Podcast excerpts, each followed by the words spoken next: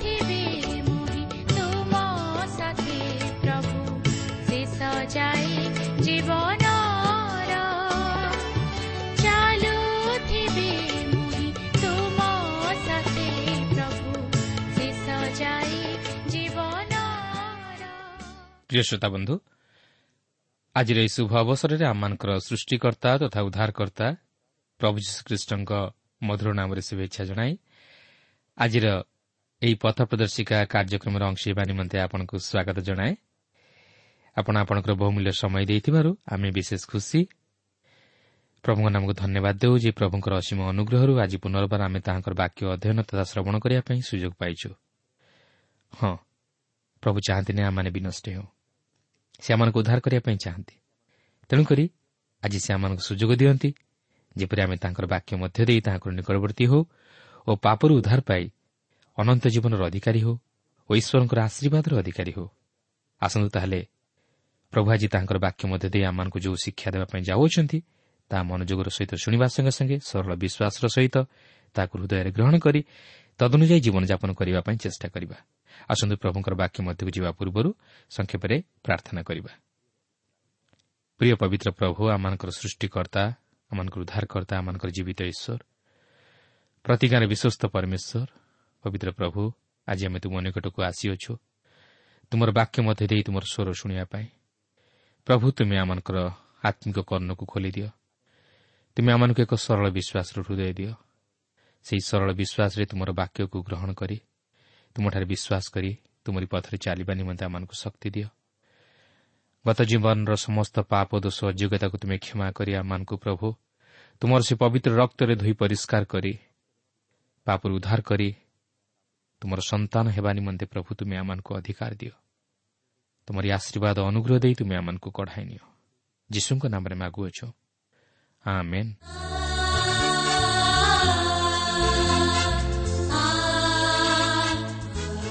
ଆସନ୍ତୁ ବର୍ତ୍ତମାନ ଆମେ ପ୍ରଭୁଙ୍କର ବାକ୍ୟ ମଧ୍ୟକୁ ଯିବା। ଆଜି ଆମେ ଦ୍ୱିତୀୟ ବିବରଣ ପୁସ୍ତକର ବାର ପର୍ବର ପାଞ୍ଚ ପଦରୁ ଆରମ୍ଭ କରି ତେର ପର୍ବର ଅଠର ପଦ ପର୍ଯ୍ୟନ୍ତ ଅଧ୍ୟୟନ କରିବା ନିମନ୍ତେ ଯିବା। ଏଠାରେ ମୁଁ ଆପଣଙ୍କୁ ସ୍ମରଣ କରାଇଦିଏ ଯେ ଇସ୍ରାଏଲ୍ ସନ୍ତାନଗଣ ଯେପରି ସେହି କିଣା ଦେଶରେ ପ୍ରବେଶ କରି ଏକ ନିର୍ଦ୍ଦିଷ୍ଟ ସ୍ଥାନରେ ଈଶ୍ୱରଙ୍କର ଉପାସନା କରନ୍ତି ଓ ସମସ୍ତ ପ୍ରତିମା ପୂଜାର ସ୍ଥାନକୁ ବିନଷ୍ଟ କରନ୍ତି ଏଥିନିମନ୍ତେ ପୂର୍ବରୁ ତାହା ପ୍ରକାଶ କରି ସେମାନଙ୍କୁ ସତର୍କ କରାଇ ଦିଅନ୍ତି ଯେପରି ସେମାନେ ଈଶ୍ୱରଙ୍କ ଦ୍ୱାରା ବିଚାରିତ ହୋଇ ଅଭିଶାପର କାରଣ ନ ହୁଅନ୍ତି। ତେବେ ସେହି ଏକ ନିର୍ଦ୍ଦିଷ୍ଟ ସ୍ଥାନରେ ସେମାନେ କିପରି ଈଶ୍ୱରଙ୍କର ଉପାସନା କରିବାକୁ ଥିଲା ସେହି ବିଷୟ ନେଇ କିଛି ଆଲୋଚନା କରିବା। ଦେଖନ୍ତୁ ଦ୍ୱିତୀୟ ବିବରଣ ବାର ପର୍ବର ପାଞ୍ଚ ଓ ଛଅ ପଦରେ ଏହିପରି ଲେଖା ଅଛି ମାତ୍ର ସଦାପ୍ରଭୁ ତୁମମାନଙ୍କ ପରମେଶ୍ୱର ଆପଣା ନାମ ରଖିବା ନିମନ୍ତେ ତୁମ୍ଭମାନଙ୍କ ସମସ୍ତ ବଂଶ ମଧ୍ୟରୁ ଯେଉଁ ସ୍ଥାନ ମନୋନୀତ କରିବେ ତାହାଙ୍କ ସେହି ନିବାସ ସ୍ଥାନ ତୁମେମାନେ ଅନ୍ୱେଷଣ କରିବ ଓ ସେହି ସ୍ଥାନକୁ ତୁମ୍ଭେ ଯିବ ପୁଣି ତୁମେମାନେ ସେହି ସ୍ଥାନକୁ ଆପଣା ଆପଣା ହୋମ ନୈବେଦ୍ୟ ଓ ଆପଣା ଆପଣା ବଳିଦାନ ଓ ଆପଣା ଆପଣା ଦଶମାଂଶ ଓ ଆପଣା ଆପଣା ହସ୍ତର ଉତ୍ତୋଳନୀୟ ଉପହାର ଓ ଆପଣା ଆପଣା ମାନତ ଦ୍ରବ୍ୟ ଓ ଆପଣା ଆପଣା ସ୍ୱେଚ୍ଛାଦତ୍ତ ନୈବେଦ୍ୟ ଓ ଆପଣା ଆପଣା ଗୋମେଶାଦି ପଲର ପ୍ରଥମଜାତ ସମସ୍ତଙ୍କୁ ଆଣିବ। ଆପଣ ଦେଖନ୍ତୁ ଯଦିଓ ଘଟଣାକ୍ରମେ ଈଶ୍ୱର ଜିରୁସାଲମକୁ ଉପାସନାର କେନ୍ଦ୍ରସ୍ଥଳୀ ରୂପେ ମନୋନୀତ କରିଥିଲେ ମାତ୍ର ତହିଁ ପୂର୍ବରୁ ମଧ୍ୟ ଇସ୍ରାଏଲ୍ ସନ୍ତାନଗଣ କେବଳ ଏକ ନିର୍ଦ୍ଦିଷ୍ଟ ସ୍ଥାନରେ ଉପାସନା କରିବାକୁ ଥିଲା। ସେମାନେ ଏକ ନିର୍ଦ୍ଦିଷ୍ଟ ସ୍ଥାନରେ ସେମାନଙ୍କର ହୋମବଳି ନୈବେଦ୍ୟ ପ୍ରଭୃତି ଉତ୍ସର୍ଗ କରିବାକୁ ଥିଲା ଓ ସେମାନେ ଯେଉଁସବୁ ସ୍ୱେଚ୍ଛାଦତ୍ତ ନୈବେଦ୍ୟ ଓ ଖାଦ୍ୟର ଦଶମାଂଶ ଈଶ୍ୱରଙ୍କ ଉଦ୍ଦେଶ୍ୟରେ ଉତ୍ସର୍ଗ କରୁଥିଲେ ସେହିସବୁ ଏକ ନିର୍ଦ୍ଦିଷ୍ଟ ସ୍ଥାନରେ ଈଶ୍ୱରଙ୍କ ସମ୍ମୁଖରେ ଭୋଜନ କରାଯିବାକୁ ଥିଲା। ଏହିପରି କରିବା ଦ୍ୱାରା ସେମାନେ ଯେ ଈଶ୍ୱରଙ୍କ ଆଶୀର୍ବାଦର ଅଧିକାରୀ ହେବେ ଓ କୁଶଳରେ ସେହି କିଣା ଦେଶ ଅଧିକାର କରି ତହିଁରେ ବସବାସ କରିବେ ଏହା ଈଶ୍ୱର ସେମାନଙ୍କୁ ପୂର୍ବରୁ ଜଣାଇ ଦିଅନ୍ତି। ଯେପରି ସେମାନେ ତଦନୁଯାୟୀ ତାହାଙ୍କର ଆଜ୍ଞାବହ ହୋଇ ତାଙ୍କର ଉପାସନା କରିବା ଦ୍ୱାରା ଆଶୀର୍ବାଦର ଅଧିକାରୀ ହୁଅନ୍ତି। ଯାହାକି ଆପଣ ଏହି ବାର ପର୍ବର ସାତ ପଦରୁ ଚଉଦ ପଦ ମଧ୍ୟରେ ଦେଖିବାକୁ ପାରିବେ। କିନ୍ତୁ ଆମେ ତାହା ପାଠ କରିବା ପାଇଁ ଯିବା ନାହିଁ। ଆପଣ ଏହା ଅନ୍ୟ ସମୟରେ ଆପଣଙ୍କର ବ୍ୟକ୍ତିଗତ ବାଇବଲ ଅଧ୍ୟୟନ ସମୟରେ ଅଧ୍ୟୟନ କରିନେବେ କିନ୍ତୁ ଏଠାରେ ଆମେ ଆଉ କେତେକ ମୁଖ୍ୟ ବିଷୟ ଉପରେ ଟିକେ ଦୃଷ୍ଟି ଦେବା। ଆପଣ ଦେଖିବେ ଯେ କେବଳ ସେମାନେ ଯେ ଏକ ନିର୍ଦ୍ଦିଷ୍ଟ ସ୍ଥାନରେ ଉପାସନା କରିବାକୁ ଥିଲା ତାହା ନୁହେଁ ଏଥିସହିତ ସେମାନେ ଆପଣା ଆପଣାର ନଗର ଦ୍ୱାର ଭିତରେ ପଶୁ ବଧ କରି ମାଂସ ଭୋଜନ କରିବାକୁ ଥିଲା। ଅର୍ଥାତ୍ ସେମାନେ ନିଜର ଗୃହରେ ତାହା ଭୋଜନ କରିବାକୁ ଥିଲା ଯେପରି ସେମାନେ ଅନ୍ୟ କୌଣସି ସ୍ଥାନରେ ପଶୁବଧ କରି ଭୋଜନ କରିବା ଦ୍ୱାରା ପ୍ରତିମା ନିକଟରେ ବଳି ସ୍ୱରୂପେ ତାହା ଉତ୍ସର୍ଗ ନ କରନ୍ତି ଯେହେତୁ ଦେଶ ପ୍ରତିମା ପୂଜାରେ ଅସୁଚି ହୋଇଥିଲା। ଦେଖନ୍ତୁ ବାର ପର୍ବର ପନ୍ଦର ଓ ଷୋହଳ ପଦରେ ଲେଖା ଅଛି ତଥାପି ତୁମ୍ଭେ ଆପଣା ପ୍ରାଣର ବାଞ୍ଛା ମତେ ସଦାପ୍ରଭୁ ତୁମ ପରମେଶ୍ୱରଙ୍କଠାରୁ ପ୍ରାପ୍ତ ଆଶୀର୍ବାଦ ଅନୁସାରେ ଆପଣାର ସମସ୍ତ ନଗରଦ୍ୱାର ଭିତରେ ପଶୁବଧ କରି ମାଂସ ଭୋଜନ କରିପାରିବ। ସୂଚି ଓ ଅସୁଚି ଲୋକ କୃଷ୍ଣସାର ଓ ହରିଣର ମାଂସ ତୁଲ୍ୟ ତାହା ଭୋଜନ କରିପାରିବେ। କେବଳ ତୁମେମାନେ ରକ୍ତ ଭୋଜନ କରିବ ନାହିଁ। ତୁମ୍ଭେ ଜଳ ତୁଲ୍ୟ ତାହା ଭୂମିରେ ଢାଳିଦେବ। ଏହି ଅଂଶରେ ଆପଣ ଦେଖିବେ ଯେ ସେମାନେ ଏପରିକି ଯେଉଁ ପଶୁକୁ ସେମାନଙ୍କର ଭୋଜନ ନିମନ୍ତେ ବଧ କରୁଥିଲେ ତାହାକୁ ନିଜ ନଗର ଦ୍ୱାରରେ ବଧ କରି ଗୃହରେ ତାହା ଭୋଜନ କରୁଥିଲେ। ଯେପରି ସେମାନେ ଜାଣତରେ ହେଉ ବା ଅଜାଣତରେ ହେଉ ପ୍ରତିମା ନିକଟରେ ବଳି ଉତ୍ସର୍ଗ କରିବା ଲୋକ ସହିତ ଗଣିତ ନ ହୁଅନ୍ତି। କିନ୍ତୁ ବର୍ତ୍ତମାନ ସେପରି ହେଉନାହିଁ। ଯେହେତୁ ବର୍ତ୍ତମାନ ଆମେ ବ୍ୟବସ୍ଥାର ଅଧୀନରେ ନାହୁଁ ମାତ୍ର ଖ୍ରୀଷ୍ଟଙ୍କ ଅଧୀନରେ ଅଛୁ। ଆମେ ଖ୍ରୀଷ୍ଟଙ୍କଠାରେ ବିଶ୍ୱାସ କରି ତାହାଙ୍କୁ ହୃଦୟରେ ଉଦ୍ଧାରକର୍ତ୍ତା ରୂପେ ଗ୍ରହଣ କରିବା ଦ୍ୱାରା ତାହାଙ୍କ ଧାର୍ମିକତା ଦ୍ୱାରା ଧାର୍ମିକ ଗଣିତ ହୋଇଯାଉଛୁ। ଯେହେତୁ ବ୍ୟବସ୍ଥା ପାଳନ କରିବା ଦ୍ୱାରା ଧାର୍ମିକ ଗଣିତ ହେବା ନିମନ୍ତେ ମନୁଷ୍ୟ ବିଫଳ ହେବାରୁ ଈଶ୍ୱର ଯୀଶୁଖ୍ରୀଷ୍ଟଙ୍କ ଦ୍ୱାରା ତାଙ୍କର ଅସୀମ ପ୍ରେମ ଓ ଅନୁଗ୍ରହକୁ ପ୍ରକାଶ କରି ଆମମାନଙ୍କ ନିମନ୍ତେ ଉଦ୍ଧାରର କାର୍ଯ୍ୟ ସାଧନ କରିଅଛନ୍ତି। ତେଣୁ ସେହି ବ୍ୟବସ୍ଥା ଆମକୁ ଆମର ପାପ ବିଷୟରେ ସଚେତନ କରାଇ ଏକ ଉଦ୍ଧାରକର୍ତ୍ତାଙ୍କର ଆବଶ୍ୟକତାକୁ ଉପଲବ୍ଧି କରାଏ ଯଦ୍ୱାରା ଆମେ ନିଜକୁ ପାପି ବୋଲି ଚିହ୍ନି ସେହି ଉଦ୍ଧାରକର୍ତ୍ତାଙ୍କର ଆବଶ୍ୟକତାକୁ ଅନୁଭବ କରୁ। ଓ ପାପରୁ ଉଦ୍ଧାର ପାଇବା ନିମନ୍ତେ ଖ୍ରୀଷ୍ଟ ଯୀଶୁଙ୍କଠାରେ ନିଜର ପାପ ସ୍ୱୀକାର କରି ତାହାଙ୍କୁ ନିଜ ହୃଦୟରେ ଗ୍ରହଣ କରୁ। ଏହାପରେ ସତର ପଦରୁ ଉଣେଇଶ ପଦ ମଧ୍ୟରେ ଆପଣ ଦେଖିବେ ଯେ ସେମାନେ ଆପଣା ଶସ୍ୟର କି ଦ୍ରାକ୍ଷାରସର କି ତୈଳର ଦଶମାଂଶ କି ଗୋମେଶାଦୀର ପ୍ରଥମଜାତ କିମ୍ବା ସେମାନଙ୍କ ମନାସିଲାର ମାନତରବ୍ୟ କି ସ୍ୱେଚ୍ଛାଦତ୍ତ ନୈବେଦ୍ୟ କି ସେମାନଙ୍କ ହସ୍ତର ଉତ୍ତୋଳନୀୟ ଉପହାର ଆପଣାର ନଗର ଦ୍ୱାର ମଧ୍ୟରେ ଭୋଜନ କରାଯିବାକୁ ନ ଥିଲା ମାତ୍ର ଈଶ୍ୱରଙ୍କ ଦ୍ୱାରା ନିରୂପିତ ସ୍ଥାନରେ ଭୋଜନ କରାଯିବାକୁ ଥିଲା। ଅର୍ଥାତ୍ ତାହା ଈଶ୍ୱରଙ୍କ ସମ୍ମୁଖରେ ଭୋଜନ କରାଯିବାକୁ ଥିଲା। କିନ୍ତୁ ଆପଣ ଏହି ବାର ପର୍ବର ଏକୋଇଶ ପଦରୁ ପଚିଶ ପଦ ମଧ୍ୟରେ ଆଉ ଏକ ବିଷୟ ଦେଖିବାକୁ ପାରିବେ ଯେ ସେମାନେ ସେମାନଙ୍କର ପଶୁମାନଙ୍କୁ ନଗର ଦ୍ୱାର ମଧ୍ୟରେ ବଧ କରି ଭୋଜନ କରିବାକୁ ଥିଲା। କିନ୍ତୁ ଆପଣ ଲେବିୟ ପୁସ୍ତକର ସତର ପର୍ବରେ ଦେଖିବେ ଯେତେବେଳେ ଇସ୍ରାଏଲ୍ ଲୋକମାନେ ଦୀର୍ଘ ଦିନ ଧରି ପ୍ରାନ୍ତର ମଧ୍ୟରେ ଭ୍ରମଣ କରୁଥିଲେ ସେତେବେଳେ ସେମାନେ ଏକ ନିର୍ଦ୍ଦିଷ୍ଟ ସ୍ଥାନରେ ଅର୍ଥାତ୍ ସେହି ସମାଗମ ତମ୍ବୁ ଦ୍ୱାରରେ ଯେଉଁଠାରେ କି ସେମାନେ ଈଶ୍ୱରଙ୍କର ଉପାସନା କରିବା ନିମନ୍ତେ ସମବେତ ହେଉଥିଲେ ସେହି ତମ୍ବୁ ଦ୍ୱାରରେ ସେମାନେ ସେମାନଙ୍କର ପଶୁମାନଙ୍କୁ ବଧ କରି ତହିଁର ମାଂସ ଭୋଜନ କରିବାକୁ ଥିଲା ଓ ଯାଜକ ସେହି ପଶୁର ରକ୍ତ ନେଇ ବେଦୀ ଉପରେ ଛିଞ୍ଚିବାକୁ ଥିଲା ଓ ତହିଁର ମେଦକୁ ନେଇ ତୁଷ୍ଟିକର ନୈବେଦ୍ୟ ରୂପେ ଈଶ୍ୱରଙ୍କ ଉଦ୍ଦେଶ୍ୟରେ ଉତ୍ସର୍ଗ କରିବାକୁ ଥିଲା। କିନ୍ତୁ ସେମାନେ ଯେଉଁ କିଣା ଦେଶରେ ବାସ କରିବାକୁ ଥିଲା ସେହି ଦେଶରେ ସେମାନଙ୍କ ନିମନ୍ତେ ଈଶ୍ୱର ସେହି ପଶୁମାନଙ୍କୁ ବଧ କରି ତାହାର ମାଂସ ଭୋଜନ କରିବା ନେଇ ସେହି ନିୟମରେ କିଛି ପରିବର୍ତ୍ତନ କରିଥିଲେ। ଅର୍ଥାତ୍ ସେମାନେ ସେହି ପଶୁକୁ ଆପଣାର ନଗର ଦ୍ୱାରରେ ବଧ କରି ସେହି ପଶୁର ମାଂସ ଭୋଜନ କରିବାକୁ ଥିଲା ମାତ୍ର ରକ୍ତକୁ ଢାଳି ଦେବାକୁ ଥିଲା। ତେବେ ଏପରି ନିୟମ ସ୍ଥାପନ କରିବା ପଛରେ ଏକ ବିଶେଷ କାରଣ ଥିଲା ତାହା ହେଉଛି ଯେ ସେମାନେ ସେହି କିଣା ଦେଶରେ ପ୍ରବେଶ କରି ଈଶ୍ୱରଙ୍କ ଦ୍ୱାରା ନିରୂପିତ ସ୍ଥାନ ଜିରୁସାଲମରେ ସମବେତ ହୋଇ ଈଶ୍ୱରଙ୍କୁ ଉପାସନା କରିବାକୁ ଥିଲା। କିନ୍ତୁ ଯେଉଁମାନେ ଜିରୁସାଲମଠାରୁ ଦୂରରେ ରହୁଥିଲେ ସେମାନଙ୍କ ନିମନ୍ତେ ତାହା ସମ୍ଭବପର ନଥିଲା। ତେଣୁକରି ଈଶ୍ୱର ସେମାନଙ୍କ ପ୍ରତି ଏପରି ଏକ ନିୟମ ସ୍ଥିର କରିଥିଲେ ଯେ ଯେପରି ସେମାନେ ନିଜ ନିଜର ନଗରଦ୍ୱାର ମଧ୍ୟରେ ସେହି ପଶୁକୁ ବଧ କରି ତହିଁର ମାଂସ ଭୋଜନ କରିବା ଦ୍ୱାରା ପ୍ରତିମା ପୂଜା ରୂପକ ପାପରେ ପତିତ ନ ହୋଇ ରକ୍ଷା ପାଆନ୍ତି। କିନ୍ତୁ ମନେ ରଖିବେ ଏହା ସେମାନଙ୍କର ବଳିଦାନ ଉତ୍ସର୍ଗ ସମ୍ବନ୍ଧୀୟ ନୁହେଁ। ମାତ୍ର ସେମାନଙ୍କର ଦୈନନ୍ଦିନ ଜୀବନରେ ମାଂସ ଭୋଜନ କରିବା ସମ୍ବନ୍ଧୀୟ ନିୟମ ଥିଲା। ମାତ୍ର ଏଠାରେ ଲକ୍ଷ୍ୟ କରିବାର ବିଷୟ ହେଉଛି ଯେ ସେହି ରକ୍ତ ଢାଳି ଦେବାକୁ ଥିଲା। କାରଣ ରକ୍ତ ହେଉଛି ପ୍ରାଣ ବା ଜୀବନ। ତେଣୁକରି ଆପଣ ଦେଖିବେ ଧର୍ମଶାସ୍ତ୍ର ପ୍ରଭୁ ଯୀଶୁଖ୍ରୀଷ୍ଟଙ୍କ ରକ୍ତ ଉପରେ ଗୁରୁତ୍ୱ ପ୍ରଦାନ କରେ। ତେବେ ଆପଣଙ୍କ ମନରେ ପ୍ରଶ୍ନ ଉଠିପାରେ ଯେ ଈଶ୍ୱର କାହିଁକି ଜୀବହତ୍ୟା କରିବାକୁ ଅନୁମତି ଦେଲେ? କାରଣ ଅନେକ ଭାବନ୍ତି ଯେ ଜୀବହତ୍ୟା ପାପ। କିନ୍ତୁ ବାଇବଲ ସ୍ପଷ୍ଟ ଭାବରେ ପ୍ରକାଶ କରେ ଯେ ଜୀବହତ୍ୟା ପାପ ନୁହେଁ ମାତ୍ର ଯଦି ବିନା କାରଣରେ ଜୀବହତ୍ୟା କରାଯାଏ ବା କିଏ କରେ ତାହେଲେ ତାହା ପାପ ହୁଏ। କିନ୍ତୁ ଯଦି ଭୋଜନ କରିବା ନେଇ କୌଣସି ପଶୁକୁ ବଧ କରାଯାଏ ତାହେଲେ ତହିଁରେ ପାପ ହୁଏ ନାହିଁ। ସେଥିପାଇଁ ଆଦି ପୁସ୍ତକ ନଅ ପର୍ବର ତିନି ପଦରେ ଏହିପରି ଲେଖା ଅଛି ପ୍ରତ୍ୟେକ ଗମନଶୀଳ ପ୍ରାଣୀ ତୁମମାନଙ୍କର ଖାଦ୍ୟ ହେବ ଆମ୍ଭେ ହରିତ ଶାକ ପରି ଏହି ସମସ୍ତ ତୁମମାନଙ୍କୁ ଦେଲୁ। ତେଣୁ ପ୍ରିୟ ବନ୍ଧୁ ମାଂସ ଭୋଜନରେ ପାପ ହୁଏ ନାହିଁ। କି ଭୋଜନ କରିବା ନିମନ୍ତେ ଜୀବହତ୍ୟା କରିବା ପାପ ନୁହେଁ ଯେହେତୁ ଈଶ୍ୱର ସେହିସବୁ ମନୁଷ୍ୟ ନିମନ୍ତେ ପ୍ରଦାନ କରିଅଛନ୍ତି। ତେବେ ଆପଣ ମୋ ସହିତ ଏହି ବିଷୟ ନେଇ ଏକମତ ଅଟନ୍ତି କି ନାହିଁ ତାହା ମୁଁ ଜାଣେ ନା। ମାତ୍ର ଆମେ ଯଦି ସେପରି ଚିନ୍ତା କରିବା ଯେ ଜୀବହତ୍ୟା ପାପ ତାହେଲେ ଆମେ ଏହି ଜଗତରେ ବଞ୍ଚିପାରିବା ନାହିଁ। କାରଣ ଆପଣ ଯଦିଓ ପ୍ରତ୍ୟକ୍ଷରେ ଜୀବହତ୍ୟା କରନ୍ତି ନାହିଁ ମାତ୍ର ପରୋକ୍ଷରେ କରନ୍ତି। ଆପଣ ହୁଏତ ଜୀବହତ୍ୟା କରନ୍ତି ନାହିଁ। ମାତ୍ର ମାଂସ ଭୋଜନ କରିବା ଦ୍ୱାରା ଆପଣ ପରୋକ୍ଷରେ ଜୀବହତ୍ୟା କରନ୍ତି। ଆପଣ ଯଦିଓ ଜୀବହତ୍ୟା କରନ୍ତି ନାହିଁ ମାତ୍ର ଜୀବମାନଙ୍କର ଆହାର ଭକ୍ଷଣ କରିବା ଦ୍ୱାରା ଓ ସେମାନଙ୍କ ଉପରେ ପାଶବିକ ଅତ୍ୟାଚାର କରିବା ଦ୍ୱାରା ଆପଣ ଜୀବହତ୍ୟା କରନ୍ତି। ଆପଣ ଯଦି ଜୀବହତ୍ୟାକାରୀ ହସ୍ତରେ ଜୀବମାନଙ୍କୁ ସମର୍ପଣ କରନ୍ତି ତାହେଲେ ମଧ୍ୟ ଜୀବହତ୍ୟା କରନ୍ତି। ତେଣୁ ଏହିପରି ଯଦି ଚିନ୍ତା କରାଯାଏ ତାହେଲେ ଆମେ ଏହି ଜଗତରେ ବଞ୍ଚିପାରିବା ନାହିଁ। କିନ୍ତୁ ଈଶ୍ୱର ଆମମାନଙ୍କର ଦୁର୍ବଳତା ଜାଣି ସେ ଆମମାନଙ୍କ ନିମନ୍ତେ ଏହିପରି ନିୟମ ସ୍ଥିର କରିଅଛନ୍ତି ଯେପରି ଆମେ ଏହି ଜଗତରେ ଜୀବନ ଧାରଣ କରିପାରୁ। ଏହାର ଅର୍ଥ ନୁହେଁ ଯେ ଈଶ୍ୱର ଜୀବହତ୍ୟା କରିବାକୁ ଆମକୁ କହନ୍ତି। ମାତ୍ର ସେ ଆମମାନଙ୍କର ଦୁର୍ବଳତା ଜାଣି ଆମ ପ୍ରତି ଏହିପରି ନିୟମ ପ୍ରଦାନ କରନ୍ତି ଯେପରି ଆମେ ଏହି ଜଗତରେ ନିଜର ଶାରୀରିକ କ୍ଷୁଧାକୁ ପୂରଣ କରିପାରୁ। ତାଛଡ଼ା ଖାଦ୍ୟ ପଦାର୍ଥ ମନୁଷ୍ୟକୁ କଳୁଷିତ କରେ ନାହିଁ। କିନ୍ତୁ ମନୁଷ୍ୟ ହୃଦୟର କଳୁଷିତ ଚିନ୍ତାଧାରା ଓ ମନୁଷ୍ୟ ହୃଦୟରେ ଯେଉଁ ସବୁ ମନ୍ଦ ବିଷୟ ଥାଏ ତାହା ହିଁ ମନୁଷ୍ୟକୁ କଳୁଷିତ କରେ ଓ ପାପରେ ପତିତ କରାଏ। କିନ୍ତୁ ଜୀବହତ୍ୟା କରିବା ଦ୍ୱାରା ପାପ ହୁଏ ନାହିଁ। ମାତ୍ର ଗୋଟିଏ ବିଷୟ ମନରେ ରଖିବେ ମନୁଷ୍ୟ ମନୁଷ୍ୟକୁ ବଧ କରିବା ପାପ କାରଣ ପବିତ୍ର ବାଇବଲ ପ୍ରକାଶ କରେ ନରହତ୍ୟା କରିବା ମହାପାପ କିନ୍ତୁ ଜୀବହତ୍ୟା ପାପ ବୋଲି ପ୍ରକାଶ କରେ ନାହିଁ ଏହା ମନୁଷ୍ୟ ଈଶ୍ୱରଙ୍କ ବାକ୍ୟରେ ଅଧିକ ଯୋଗ କରିଅଛି। କିନ୍ତୁ ଈଶ୍ୱରଙ୍କ ବାକ୍ୟ ଯାହା ପ୍ରକାଶ କରେ ତାହା ମନୁଷ୍ୟର ବାକ୍ୟଠାରୁ ଅଧିକ ଯୁକ୍ତିଯୁକ୍ତ ତଥା ଗ୍ରହଣଯୋଗ୍ୟ।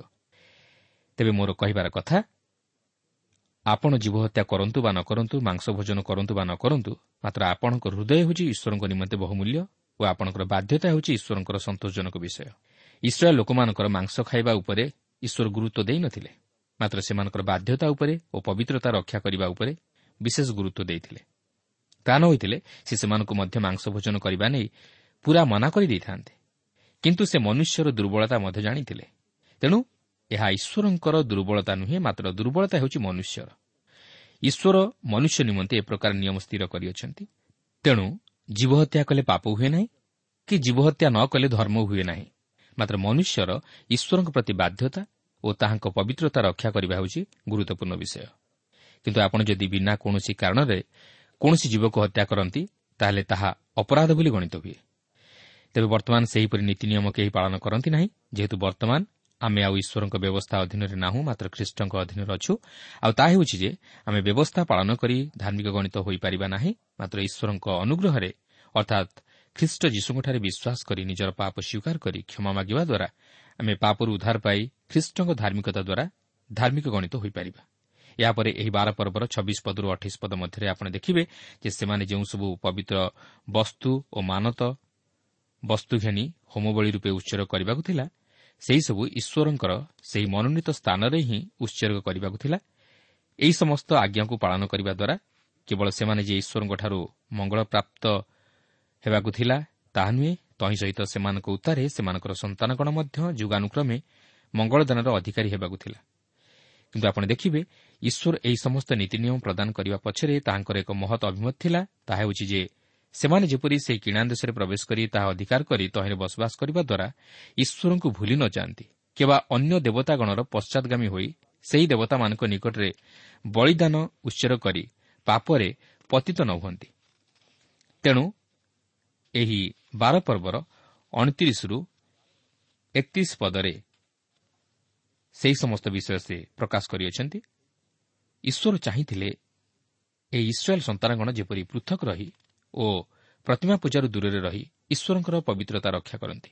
ତେଣୁକରି ସେହି ଦେଶ ଅଧିକାର କରି ତହିଁରେ ବାସ କରିବା ପୂର୍ବରୁ ଈଶ୍ୱର ସେମାନଙ୍କୁ ସତର୍କ କରାଇ ଦିଅନ୍ତି ଯେପରି ସେମାନେ ସେହି ବିଜାତୀୟମାନଙ୍କ ପରି କାର୍ଯ୍ୟ ନ କରନ୍ତି ବା ସେମାନଙ୍କର ପଶ୍ଚାଦଗାମୀ ହୋଇ ଈଶ୍ୱରଙ୍କଠାରୁ ଦୂରବର୍ତ୍ତୀ ଜୀବନ କାଟି ଅଭିଶାପର ପାତ୍ର ନ ହୁଅନ୍ତି।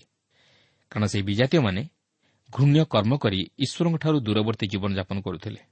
ତେଣୁକରି ଈଶ୍ୱର ସେମାନଙ୍କୁ ସେହି ଦେଶରୁ ତଡ଼ି ବାହାର କରିଦେଲେ ଯାହାକି ସେ ତାଙ୍କର ମନୋନୀତ ଜାତି ଇସ୍ରାଏଲ୍କୁ ଜଣାଇ ଦେବାକୁ ଚାହାନ୍ତି ଓ ସେ ମଧ୍ୟ ସେଥିସହିତ ଇସ୍ରାଏଲ୍ ସନ୍ତାନଗଣକୁ ସତର୍କ କରାଇ ଦିଅନ୍ତି ଯେ ସେମାନେ ଯେପରି ସେହି ବିଜାତୀୟମାନଙ୍କର ପଶ୍ଚାଦଗାମୀ ହୋଇ ସେମାନଙ୍କ ପରି ପ୍ରତିଫଳ ଭୋଗ ନ କରନ୍ତି। ଏହାପରେ ବାର ପର୍ବର ବତିଶ ପଦରେ ଲେଖା ଅଛି ମୁଁ ଯାହା ଯାହା ତୁମମାନଙ୍କୁ ଆଜ୍ଞା ଦେଉଅଛି ତାହା ସବୁ ତୁମେମାନେ ପାଳନ କରିବାକୁ ମନୋଯୋଗ କରିବ। ତୁମେ ତହିଁରେ ଯୋଗ କରିବ ନାହିଁ କି ତହିଁରୁ ଉଣା କରିବ ନାହିଁ। କିନ୍ତୁ ଦୁଃଖର ବିଷୟ ଈଶ୍ୱର ଯାହା ଚାହାନ୍ତି ନାହିଁ ମନୁଷ୍ୟ ନିଜ ଜ୍ଞାନରେ ତଥା କାଳ୍ପନିକ ଚିନ୍ତାଧାରାରେ ତହିଁରେ କିଛି ଯୋଗ କରି ଈଶ୍ୱରଙ୍କର ବିରୁଦ୍ଧାଚରଣ କାର୍ଯ୍ୟ କରୁଅଛି। ଆଜି ଆମେ ମନୁଷ୍ୟର ବାକ୍ୟକୁ ବିଶେଷ ଗୁରୁତ୍ୱ ଦେଇ ଈଶ୍ୱରଙ୍କ ବାକ୍ୟକୁ ପଛରେ ପକାଇ ଦେଇଛୁ ଓ ଈଶ୍ୱରଙ୍କ ବାକ୍ୟରେ ନିଜର ବାକ୍ୟକୁ ଯୋଗ କରି ଏହା ଈଶ୍ୱରଙ୍କ ବାକ୍ୟ ବୋଲି ଭାବି ନେଉଛୁ। କିନ୍ତୁ ତାହାଦ୍ୱାରା ମନୁଷ୍ୟ ଈଶ୍ୱରଙ୍କ ଇଚ୍ଛା ବିରୁଦ୍ଧରେ କାର୍ଯ୍ୟ କରି ଈଶ୍ୱରଙ୍କର ଅଭିଶାପର ପାତ୍ର ହୁଏ। ତେଣୁ ଆସନ୍ତୁ ଈଶ୍ୱରଙ୍କ ବାକ୍ୟ ଆମକୁ ଯାହା କହେ ତଦନୁଯାୟୀ ଜୀବନ କାଟି ଈଶ୍ୱରଙ୍କ ଆଶୀର୍ବାଦର ପାତ୍ରପାତ୍ରୀ ହେବା ନିମନ୍ତେ ଚେଷ୍ଟା କରୁ। ଆସନ୍ତୁ ବର୍ତ୍ତମାନ ଆମେ ତେର ପର୍ବ ମଧ୍ୟକୁ ଯିବା। ଏହି ତେର ପର୍ବରେ ମୁଖ୍ୟ ଆଲୋଚନାର ପ୍ରସଙ୍ଗ ହେଉଛି ଭଣ୍ଡ ଭାବଦୀମାନଙ୍କ ମିଥ୍ୟା ଶିକ୍ଷା ବିଷୟରେ ସତର୍କ ରହିବା ନିମନ୍ତେ ଈଶ୍ୱରଙ୍କର ସତର୍କବାଣୀ। ଦେଖନ୍ତୁ ତେର ପର୍ବର ପ୍ରଥମ ଚାରିପଦରେ ଏହିପରି ଲେଖା ଅଛି ଯେବେ ତୁମ୍ଭ ମଧ୍ୟରେ କୌଣସି ଭବିଷ୍ୟତ ବକ୍ତା ବା କୌଣସି ସ୍ୱପ୍ନ ଦର୍ଶକ ଉଠେ ପୁଣି ସେ କୌଣସି ଚିହ୍ନ କି ଆଶ୍ଚର୍ଯ୍ୟ କର୍ମ ନିରୂପଣ କରେ ଆଉ ସେହି ଚିହ୍ନ ଓ ଆଶ୍ଚର୍ଯ୍ୟ କର୍ମ ସଫଳ ହେଲେ ତୁମେ ଯେଉଁମାନଙ୍କୁ ଜାଣିନାହଁ ଏପରି ଅନ୍ୟ ଦେବତାଗଣ ବିଷୟରେ କହେ? ଆସ ଆମମାନେ ସେମାନଙ୍କ ପଶ୍ଚାଦଗାମୀ ହେବା ଓ ସେମାନଙ୍କ ସେବା କରିବା ତେବେ ତୁମ୍ଭେ ସେହି ଭବିଷ୍ୟତ ବକ୍ତାର କି ସ୍ୱପ୍ନ ଦର୍ଶକର କଥା ଶୁଣିବ ନାହିଁ। କାରଣ ତୁମେମାନେ ସଦାପ୍ରଭୁ ତୁମାନଙ୍କ ପରମେଶ୍ୱରଙ୍କୁ ଆପଣା ଆପଣାର ସମସ୍ତ ଅନ୍ତକରଣ ଓ ସମସ୍ତ ପ୍ରାଣ ସହିତ ପ୍ରେମ କରୁଅଛ କି ନାହିଁ ଏହା ଜାଣିବା ପାଇଁ ସଦାପ୍ରଭୁ ତୁମମାନଙ୍କ ପରମେଶ୍ୱର ତୁମମାନଙ୍କୁ ପରୀକ୍ଷା କରୁଅଛନ୍ତି। ତୁମେମାନେ ସଦାପ୍ରଭୁ ତୁମମାନଙ୍କ ପରମେଶ୍ୱରଙ୍କ ପଶ୍ଚାଦଗମନ କରିବ ଓ ତାହାଙ୍କୁ ଭୟ କରିବ ଓ ତାହାଙ୍କ ଆଜ୍ଞା ସବୁ ପାଳନ କରିବ ଓ ତାହାଙ୍କ ରବର ଅବଧାନ କରିବ ଓ ତାହାଙ୍କ ସେବା କରିବ ଆଉ ତାହାଙ୍କଠାରେ ଆସକ୍ତ ହେବ।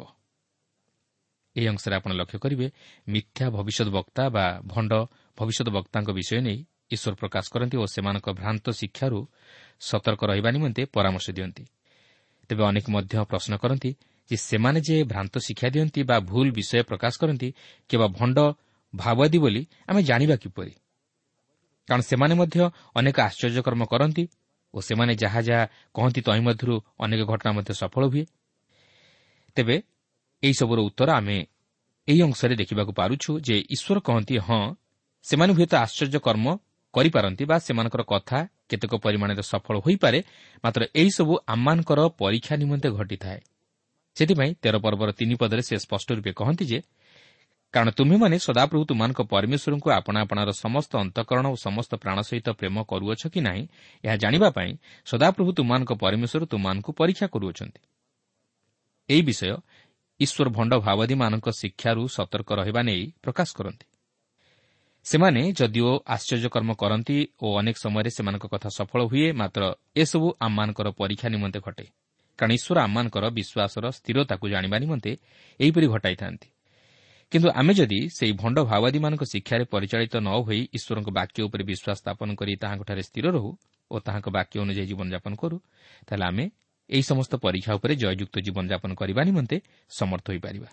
ତେଣୁକରି ଈଶ୍ୱର କହନ୍ତି ଯଦି ଜଣେ ଭାଓବାଦୀ ଈଶ୍ୱରଙ୍କ ବାକ୍ୟ ବିରୁଦ୍ଧରେ ଯାଇ ବିଶ୍ୱାସର ମହାନ ସତ୍ୟତାକୁ ଅସ୍ୱୀକାର କରେ ତାହେଲେ ତୁମମାନେ ତାହା କଥାରେ ବା ତାହାର ଆଶ୍ଚର୍ଯ୍ୟ କର୍ମରେ ବିଶ୍ୱାସ କରିବ ନାହିଁ। ଯେହେତୁ ତାହା ଆମମାନଙ୍କର ବିଶ୍ୱାସର ପରୀକ୍ଷା ନିମନ୍ତେ ଈଶ୍ୱରଙ୍କ ଆଡ଼ୁ ଘଟୁଅଛି। ତେଣୁକରି ଆମମାନେ ଏଥିନିମନ୍ତେ ସତର୍କ ରହିବା ଉଚିତ। ସେଥିପାଇଁ ଏହି ତେର ପର୍ବର ଚାରିପଦରେ ଏହିପରି ଲେଖା ଅଛି ତୁମେମାନେ ସଦାପ୍ରଭୁ ତୁମାନଙ୍କ ପରମେଶ୍ୱରଙ୍କ ପଶ୍ଚାତ ଗମନ କରିବ ଓ ତାହାଙ୍କୁ ଭୟ କରିବ ଓ ତାହାଙ୍କ ଆଜ୍ଞା ସବୁ ପାଳନ କରିବ ଓ ତାହାଙ୍କର ଅବର ଅବଧାନ କରିବ ଓ ତାହାଙ୍କ ସେବା କରିବ ଆଉ ତାହାଙ୍କଠାରେ ଆସକ୍ତ ହେବ।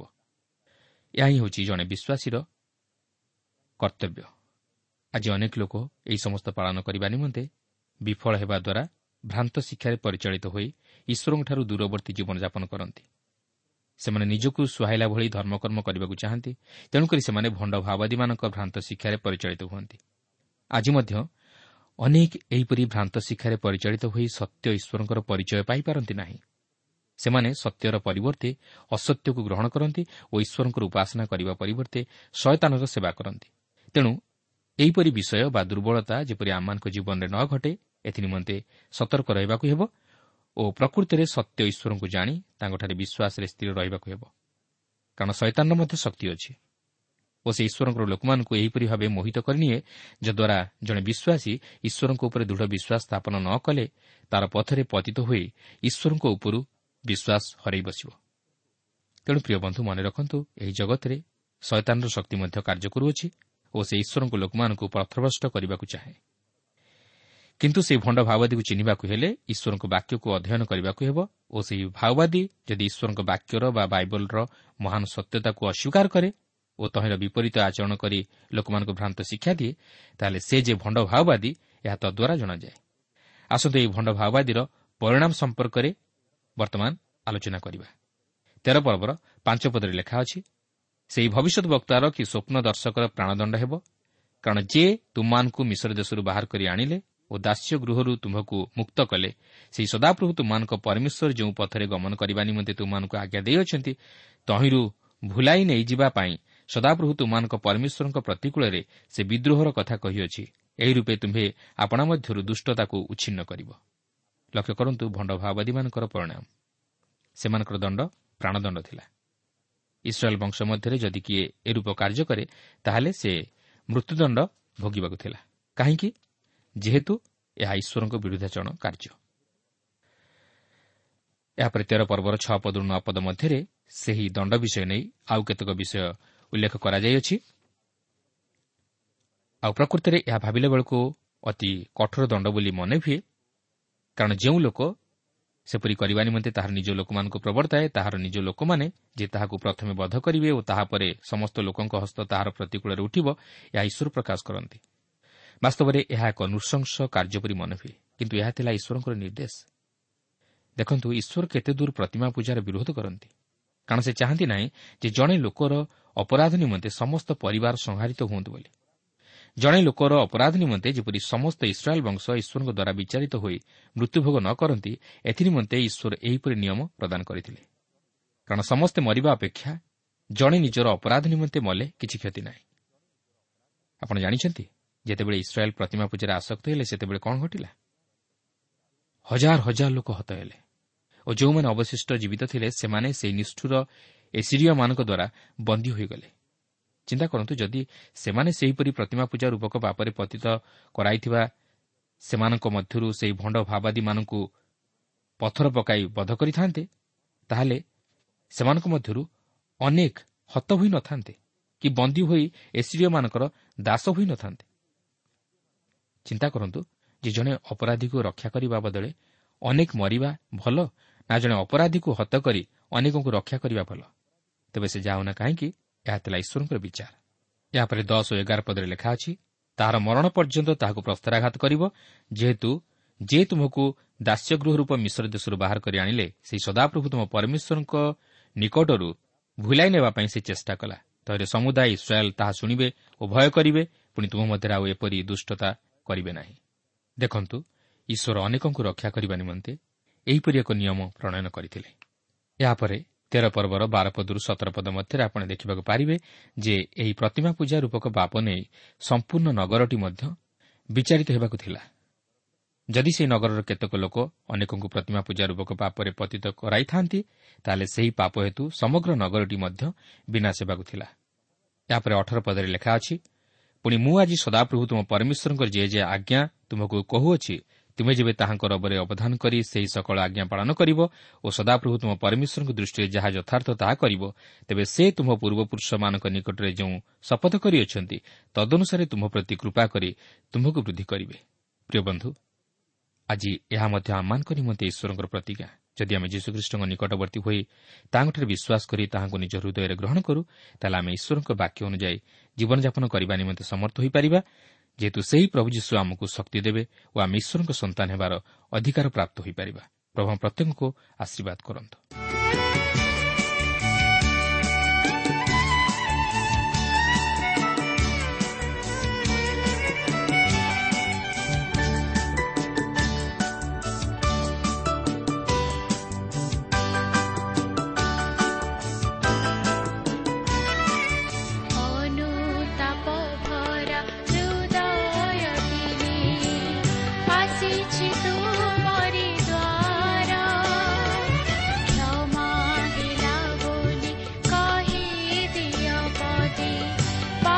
ସବୁ ପ୍ରଭୁ ମୋର